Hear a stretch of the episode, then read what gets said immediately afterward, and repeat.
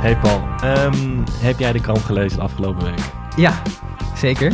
Eh, Wat was- viel je op in de krant? Nou, er was iets over, over The Voice. Daar gaan we het Daar niet gaan we het over niet hebben. over hebben. Er zijn andere mensen die daar heel veel zinnigere en slimmere dingen over kunnen zeggen dan wij. Maar we hebben wel wat anders historisch ehm, kunnen oppikken. En dat kwam eigenlijk afgelopen maandag uh, kwam dat in één keer in mijn tijdlijn voorbij. En dat ging over Anne Frank. Ja, en ik zou bijna zeggen met veel bombari is een understatement. Ja, Het was meer dan bombari. Ja. Ehm, zes jaar lang heeft een heus cold case team eh, onderzoek gedaan naar wie Anne Frank verraden zou hebben. ja, Eh, ze he- er zijn uit mijn hoofd een dertigtal theorieën geweest eh, over wie de familie verraden zouden hebben, zou hebben. En zij hebben ze allemaal onderzocht, allemaal bekeken. allemaal bij het weggezet als ja, niet als kloppend. onzin. En daar komt één meneer, hebben zij eh, daaruit, uit die kluwen van theorieën, hebben zij één meneer weten te ontwaren. Waarvan zij zeggen, nou, beste mensen, Dit hij, is hem. Hij heeft het Hij gedaan. heeft het gedaan. Ja, en dat is natuurlijk een beetje vreemd, want je moet dan natuurlijk wel met een goede bewijslast komen. Als je dit, eh, ook al is de, de beste man waar het over gaat, eh, in de jaren 50 overleden. Ehm, Arnold van den Berg, die wijzen zij dus aan als, Ja. Eh, ehm, als grote dader. Maar er zijn natuurlijk genoeg onderzoeken geweest na de Tweede Wereldoorlog over wie dat nou gedaan zou kunnen hebben. Hè? Ook het Anne, Fra- de Anne Frank Stichting zelf. Ja, en laat ik het zo zeggen, het is ambitieus om te zeggen, zoveel jaar na dato gaan wij met de nieuwste technieken, met de nieuwste inzichten vertellen wie het wel gedaan heeft. Ja. Ehm, en het zal jou wel niet verbazen ehm, dat daar heel veel kritiek op is. Op het boek wat volgens mij wel al gepubliceerd is, Ja, net. eh, maar er is ontzettend veel kritiek op. ja, en dat zijn allemaal mensen die wel echt kennis van zaken Ja. hebben, in, in, in Nederland in ieder geval. Ja, Hè, Er kwam, er kwam een commentaar vanuit het NIOD, er kwam een commentaar vanuit eh, de, De Frank Stichting ook, Ja, ja. en die waren nog eh, heel diplomatiek, zoals ze eigenlijk altijd zijn, want die hebben ook een eigen ehm, onderzoek gedaan een aantal jaar geleden. En daar kwam het een beetje op neer van, ja, het was misschien ook maar gewoon een toevalligheid dat, eh, Ja. dat ze gevonden zijn. En een van die kritieken eh, die naar voren kwam, eh, was de rol van deze meneer Van den Berg tijdens de oorlog in relatie tot de Joodse Raad. Ja. En laat daar nou net iemand een boek over aan het schrijven zijn, Paul. Ja, Weet jij ook toevallig wie dat is? dat weet ik zeker. Dat is Bart van der Boom. Bart van der Boom van de Universiteit Leiden. Ja. En eh, die ken je misschien ook van eh, Wij wisten niks van hun lot, een aantal jaar geleden verschenen Ja. is. Het heeft ook geloof ik de Librisprijs gewonnen, of de geschiedenis. Het was in ieder geval een geschiedenisprijs voor, eh, voor dat boek. En hij was hier eh, ja, wat vrijstellig over wat hij, wat hij hiervan vond. Dus wij eh, denken... Wij hebben hem even gebeld.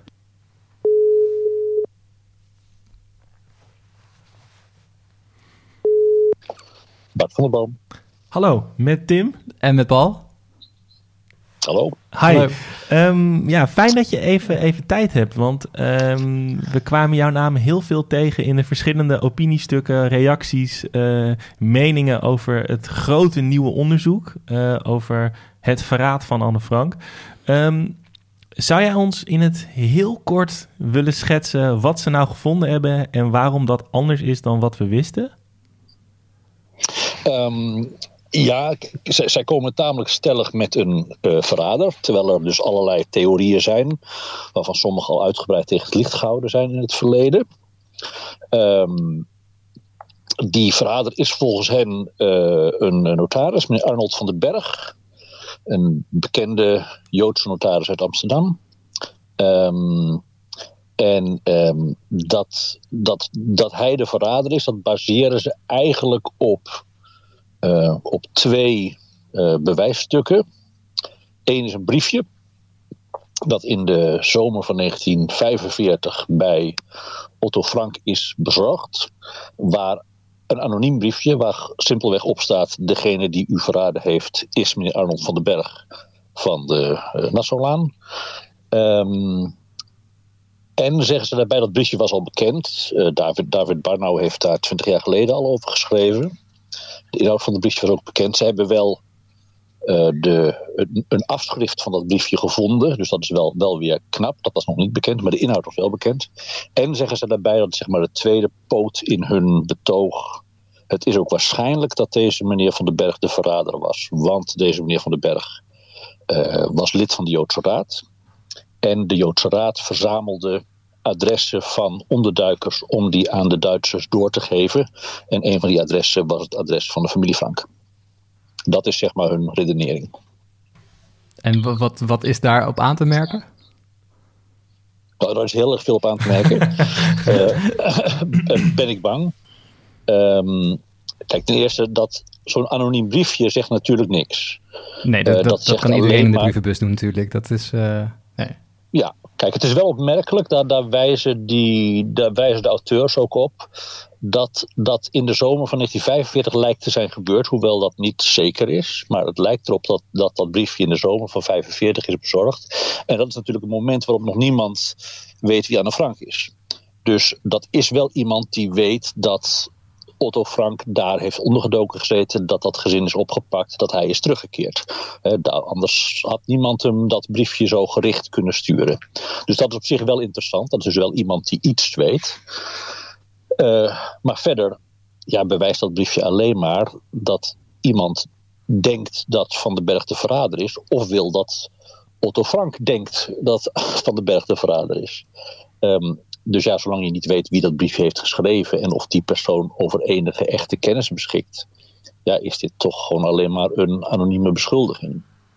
Dus, dus dat briefje, wat is, dus het is ook niet zo vreemd dat dat briefje, wat al bekend was uh, in het verleden, uh, ook gewoon, ja, uh, nou ja is, goed, dat is dus behandeld als, nou ja, dit is een briefje, maar verder is er niks wat in deze richting wijst. En, en, dat, dat, is dus niet zo vreemd. Hoe, hoe logisch zou het zijn dat deze meneer um, wat was zijn naam ook van, van den Berg? Van den Berg. Um, van den Berg, Arnold van den Berg. Dat, dat hij dit gedaan zou hebben. Want dat, ik vind, en daarom hebben we jou natuurlijk ook, ook, ook even gebeld. Je bent met een boek bezig over, over de Joodse Raad.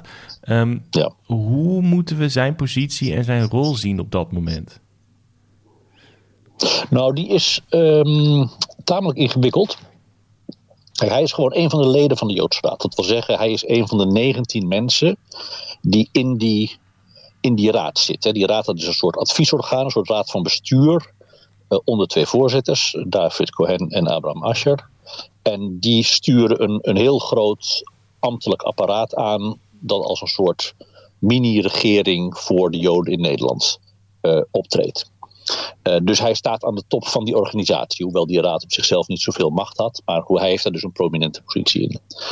Um, hij die raad is opgericht in februari 41. Hij is er bijna vanaf het begin bij. Niet helemaal vanaf het begin. Hij is een paar weken later gevraagd. Um, maar hij stapt uh, begin september 1943 uit die raad. Dat is een paar weken voordat raad definitief wordt opgedoekt. Omdat hij dan, zoals in de notulen van die vergadering staat, is gebleken niet Joods te zijn. Hij, heeft, hij is erin geslaagd om uh, zichzelf en zijn gezin te ariseren. Dus hij, hij heeft zijn eigen Joodse status aangevochten met succes. En hij is tot niet-Jood verklaard. Op dat moment moet hij dus ook uit de Joodse Raad. Um, dat is niet zo heel vreemd. Een paar duizend mensen is dat gelukt, vaak met vervalste bewijzen. Uh, maar op dat moment uh, is hij dus uh, veilig, want hij is niet Joods. Um, tot dat moment was hij overigens beschermd door zijn lidmaatschap van de Joodse Raad. Want die mensen hadden een, een sperre, een vrijstelling. Um, alleen dan gebeurt er iets heel wonderlijks. Namelijk de NSB'er die zijn notarispraktijk heeft overgenomen. Uh, die uh, raakt in de stress dat deze meneer Van den Berg dus terug zal kunnen keren. Want hij is immers geen Jood meer. En die begint een hele campagne om die beslissing dat hij niet Jood zou zijn, om terug te draaien. En daar slaagt hij ook in. Dus na een half jaar, begin 44, verliest deze meneer Van den Berg weer zijn niet-Joodse status. Jezus, dus dan, dan wordt hij dus van Jood, is hij niet Jood, weer wel Jood? Of zo? Ja, precies. Okay. precies. Ja, en dus ook weer dus, in gevaar, dus, zeg maar. En dus ook weer in gevaar, ja. precies. En de grote vraag is wat er dan gebeurt. Het, dat weten we gewoon niet. We weten niet precies wat er dan gebeurt. De, uh, er zijn aanwijzingen dat hij gewoon is ondergedoken. Zijn kinderen zijn zeker ondergedoken, maar er zijn aanwijzingen dat hij zelf ook is ondergedoken. Uh, in dat geval uh, nou ja, is er dus eigenlijk niet zoveel bijzonders aan de hand. Maar de auteurs van dit boek, die betwijfelen dat. Eigenlijk op heel zwakke gronden. Ze, ze zeggen, ja, we kunnen niet, niets vinden over die onderduik. Dus is het maar de vraag of die ondergedoken is, wat niet zo'n heel sterke redenering is. Nee, want je wil juist um, dat, je niet, dat niemand weet waar je ondergedoken bent, toch? Dat nee, is niet iets om... Precies. Ja. Nee, dat is niet iets wat je op een registratielijst zet. Aan de andere kant, er zijn natuurlijk wel veel mensen die na de oorlog wel uitgebreid hebben verteld waar ze hebben ondergedoken en aan wie ze dat te danken hadden en zo. Dus het is op zich wel een beetje opmerkelijk dat we niet kunnen vinden waar die meneer was ondergedoken. Maar goed, het eind van het verhaal is toch dat we gewoon niet weten waar die was. De auteurs zeggen, nou hij was dus misschien wel niet ondergedoken. Hoe kan die dan toch op vrije voeten zijn gebleven? Nou door geheimen te verraden aan de Duitsers. Als een soort bescherming. Dat is hun theorie. Dat is dus puur speculatief. Er is geen enkel bewijs dat hij geheimen heeft verraden aan de Duitsers. Maar wat echt het allerergste van dit boek is, en waar ik ook echt wel heel boos van werd toen ik het las, is dat verhaal dat de Joodse Raad dus als een soort beleid lijsten van onderduikers bijhield en die aan de Duitsers verschafte. Uh, en dat is cruciaal voor het verhaal, want daar zou die meneer Van den Berg zijn kennis vandaan hebben. Uh, nou ja, dat is natuurlijk een hele ernstige beschuldiging dat de Joodse Raad dat zou doen. Dat is een misdaad waar je na de oorlog de doodstraf voor had kunnen krijgen. Uh, dus ja, als je zoiets uh, beweert, moet je daar wel sterk bewijs voor hebben. Nou, dat is in het geheel niet het geval. Eigenlijk is dat helemaal gestoeld, dat idee, op een verklaring van een Duitse vertaler. die in 1947 tegen rechercheurs, want hij werd verhoord in allerlei zaken, heeft gezegd dat hij eens een keer een sergeant van de Veldgendarmerie, dus de, de militaire politie, heeft horen vertellen dat de Joodse Raad lijsten had van onderduikers en die aan de Duitsers gaf. Dat is het. Dat is het enige, dat enige wat er is. Dat is eigenlijk het enige bewijs. Ja, dat is natuurlijk totaal niet serieus. Ik bedoel, na de oorlog werden er allerlei wilde verhalen verteld over de Joodse Raad. En zeker de daders die waren er heel tuk op om de Joodse Raad zoveel mogelijk medeplichtig te maken. Dus daar werd uitgebreid gelogen over de Joodse Raad. Dus het is gewoon een van de vele wilde verhalen die over de Joodse Raad werden verteld, die totaal niet geloofwaardig zijn. En misschien ja, en niet alleen auteurs, ongeloofwaardig, maar ik zou ook misschien wel durven zeggen, enigszins antisemitisch ook, toch? In die bewering. Ja, natuurlijk. Ja. Tuurlijk, tuurlijk. Het is natuurlijk heel erg het idee van uh, ja, ja uh, Joden uh, altijd uit op hun eigen hachje en zo. Tuurlijk, het is een hartstikke antisemitisch idee. Um, maar het is vooral natuurlijk ook een hele ernstige beschuldiging. ja, en dat, dat ze dat. Dus, dus eigenlijk, dit, dit verhaal van meneer Van den Berg en de familie Frank. is dus eigenlijk gewoon onderdeel van een veel groter verhaal van een soort systematisch verraad van onderduikers door de Joodse Raad. En een van die onderduikers was toevallig eigenlijk Anne Frank. Dat is eigenlijk de implicatie van het boek. Ja, daar is dus geen enkel bewijs voor. Nee. Ja, dus dan is het nogal schokkend dat je dat toch met een hoop poeha de wereld in brengt. Ja, er was nogal wat poeha over. Ik, we zaten net ook even terug te kijken op afgelopen week. En zowel vrijwel elke grote media-instelling heeft er iets mee, heeft, heeft het gepubliceerd. Van we weten eindelijk wie het, wie het gedaan heeft. En uh, of het nou in Nederland was, maar ook The Guardian had er een artikel over. En stond ook op de BBC en zo. Dus het is natuurlijk ook wel, denk ik, als je iets gaat schrijven over de familie Frank, dan moet je wel, uh, zeg maar, dan, daar zit wel wat aandacht bij, zeg maar. Ja, dat is het lijkt me een understatement. Ja. ja. Ja, ja, ja. Ja, ja, kijk, het is een heel gelikte campagne.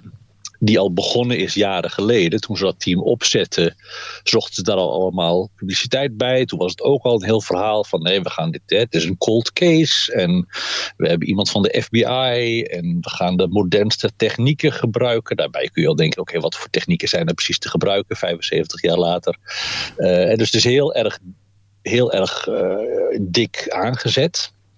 Um, ja, en ik denk dat ze zich daarmee ook wel een beetje in een soort hoek gemanoeuvreerd hebben. Want ja, als je zo hoog van de toren blaast, kun je eigenlijk niet na een paar jaar aan het eind van de rit zeggen. We zijn eigenlijk niet veel verder gekomen. Nee, we weten het wel ja. Nee, ja. we weten het ook niet. Wat, wat helemaal niet verrassend is. Maar ja, die, die conclusie wilden ze blijkbaar niet trekken. Maar die, dat is misschien wel de meest wetenschappelijke conclusie, toch? Om ook oh, gewoon daar, daar eerlijk in te zijn en te zeggen van ja, we waren op zoek naar een formule om goud te maken. We hebben hem ook niet, gevonden, dus we moeten nee. nog, nog doorstuderen. Nee. Ja. Precies. Ja. We blijven, we houden hoop. Misschien ja. komt het nog. Ja. Ik zou hem ook wel willen vinden. En, en ja, um, ja. we moeten alweer een beetje op de, de tijd letten. Um, hele flauwe vraag, maar Ehm, wie denk jij dat het dan wel gedaan heeft? Of, wil, wil, je daar iets over zeggen? nee, maar daar, daar, daar, is niks zinnigs over te zeggen. Want er zijn zo ontzettend veel mogelijke verraders. Het is niet eens zeker dat het verraad is geweest. Dus de mogelijkheden, hoe de, familie, de, de, de, de opties hoe de familie Frank tegen de lamp is gelopen, die zijn, die zijn bijna eindeloos. Dus het, eh, dat is ook een van de denkfouten die, die, die, die deze auteurs maken. Die zeggen, ja, maar we hebben de, we de 30 theorieën tegen het licht gehouden en deze past het allerbeste. Ja, dat zegt natuurlijk helemaal niks, want er zijn nog honderd andere denkbare theorieën die je alleen niet kent. Ehm, dus ehm, eh, nee, daar is gewoon niks, niks zinnigs over te zeggen. We weten er gewoon veel te weinig vanaf en, en we gaan er waarschijnlijk ook nooit achter komen.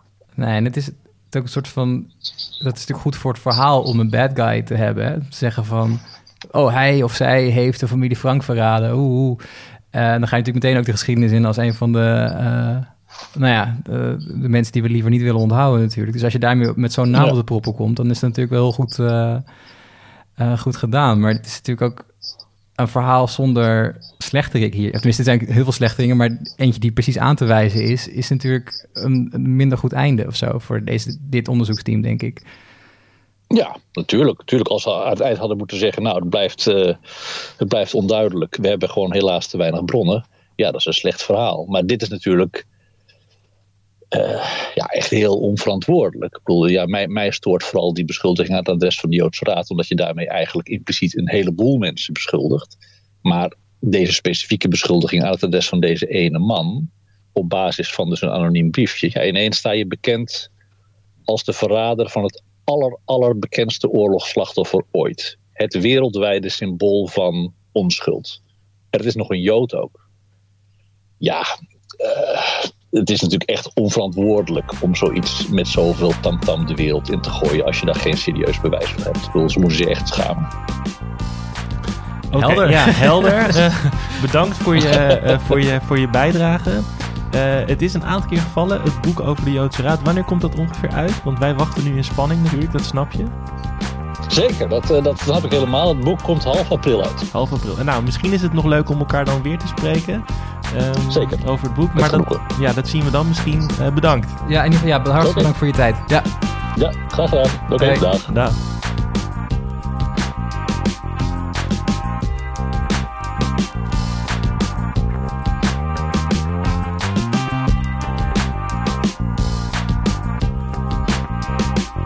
Vond jij dit nou een interessant verhaal en wil je meer over geschiedenis weten?